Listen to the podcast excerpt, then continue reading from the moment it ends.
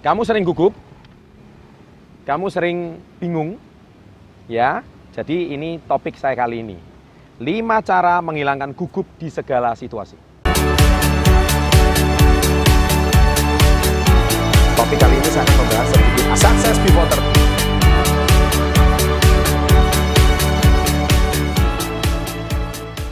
Nah, adik-adik yang sering gugup, kalau mungkin waktu mau presentasi atau bicara di depan panggung, atau mungkin mau nembak pacarnya tapi gugup juga ya kan? Nah ini ada beberapa tips sih untuk anda. Termasuk mungkin anda mau presentasi anda mau closing klien mau closing customer. Nah itu sering kali anda kan gugup ya. Anda sering kali berdegup gencang. Kenapa kok saya bisa seperti ini? Segala situasi. Ada lima tips sih untuk anda supaya anda menghindari rasa gugup. Yang pertama adalah melatih napas ya, jadi napas itu dilatih.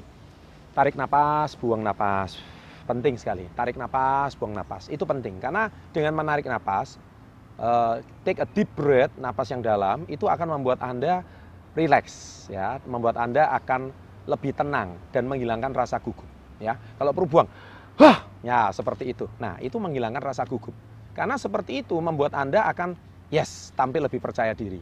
Nah, kalau Anda misalkan masih gugup, gemetar, tangan dingin, keringat dan sebagainya, itu membuat Anda menghilangkan rasa gugupnya dengan cara seperti itu. Buang napas, itu tips yang pertama. Ya, saya juga seperti itu ya. Kalau dulu awal sebagai sebelum jadi pembicara, saya kan dulu sebelum menjadi pembicara di panggung kan sama seperti Anda, yaitu tidak punya pengalaman bicara di panggung. Saya masih ingat waktu saya masih SMP, itu saya disuruh membacakan puisi waktu itu sama guru saya. Aduh, saya gugupnya setengah mati. Tapi karena saya nggak tahu tips ini, ya jadinya saya membacakannya dengan suara yang terpatah-patah dan terbata-bata dan akhirnya menjadi sangat tidak jelas ya. Jadi kalau Anda kenal Chandra Putra negara sekarang bisa bicara lancar di depan kamera seperti ini, ah itu adalah prosesnya puluhan tahun. Saya dulu adalah orang yang e, penakut, saya dulu juga orang yang mudah gugup ya.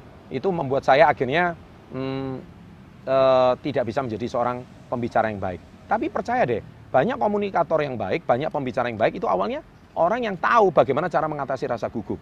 Nah, kemudian itu juga mengurangi rasa panik. Ya, kalau Anda berkurang rasa paniknya itu juga sangat penting. Jadi jangan lupa tarik nafas dan buang berkali-kali. Nah, maka dengan demikian Anda akan mengurangi. Contoh Anda mau pertandingan contohnya, mau pertandingan melawan siapa? Nah, Anda kan bisa melihat banyak e, mereka eh, orang-orang e, yang sukses, atlet-atlet itu, mereka itu kan tarik nafas, buang nafas. Yes, ya seperti itu. Ya, jadi e, cara mengurangi rasa gugup seperti itu. Yang kedua, afirmasi atau auto sugesti, auto suggestion. Nah, saya sudah ajarkan di video saya yang sudah viral banget, uh, sudah jutaan view ya, tiga kebiasaan kecil yang dilakukan orang-orang sukses setiap hari.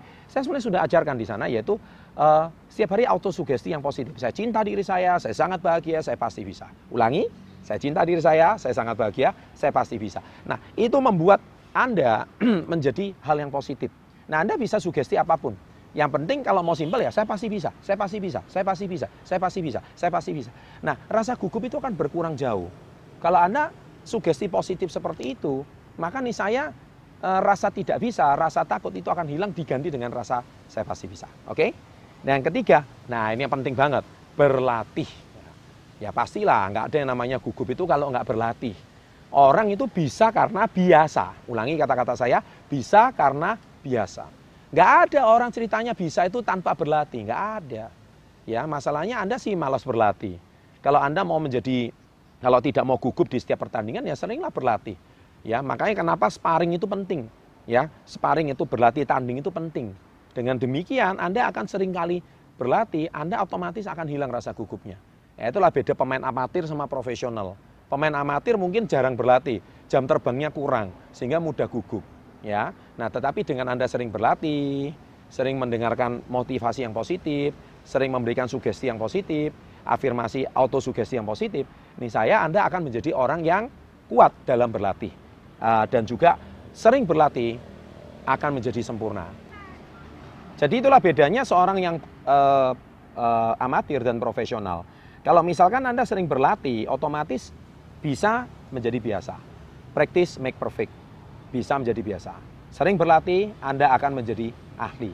Ya, tonton juga hukum 10.000 jam ya dari video saya yang saya satu dari bukunya Tipping Point Malcolm Gladwell, Anda juga tonton. Sering berlatih, sering berlatih itu luar biasa. Dan itu pasti rasa gugupnya akan hilang. Apa pun itu rasa gugup Anda.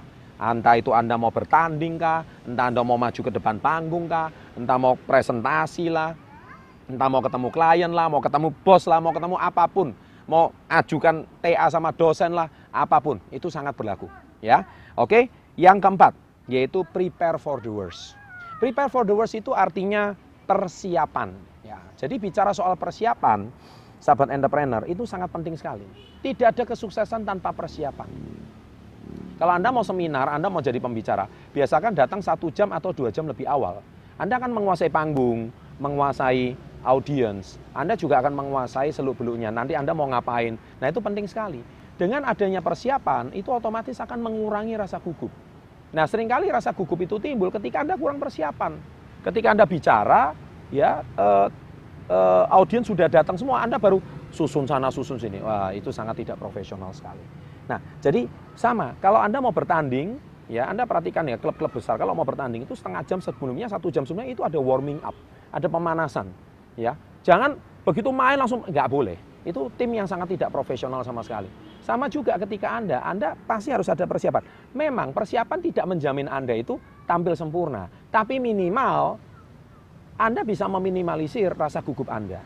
Kalau Anda ada persiapan, daripada nggak ada persiapan sama sekali. Sama seperti besok Anda mau ujian, belajar sama nggak belajar, mana lebih gugup? Ya pasti kalau Anda nggak belajar dong, ya. Kalau Anda punya persiapan, Anda sudah belajar, pasti Anda nggak gugup. Jelas ya, jadi persiapan itu sangat penting. Dan yang terakhir, nah ini yang paling penting. Ini yang sering dilakukan uh, banyak orang bersama yaitu berdoa. Ya dengan Anda berdoa menurut agama dan keyakinan masing-masing, ini saya itu akan mengurangi rasa gugup. Kita harus sertakan yang Maha Kuasa di dalam setiap pekerjaan kita, aktivitas kita, uh, perilaku kita, apa pun kegiatan yang akan kita lakukan, semoga semuanya dilancarkan dan tidak kurang sesuatu apa pun. Ini saya kalau Anda melakukan itu semua, uh, saya yakin hmm, Anda bisa menghilangkan rasa gugup itu Meskipun tidak sempurna, tapi Anda bisa mengurangi dengan sangat-sangat banyak sekali.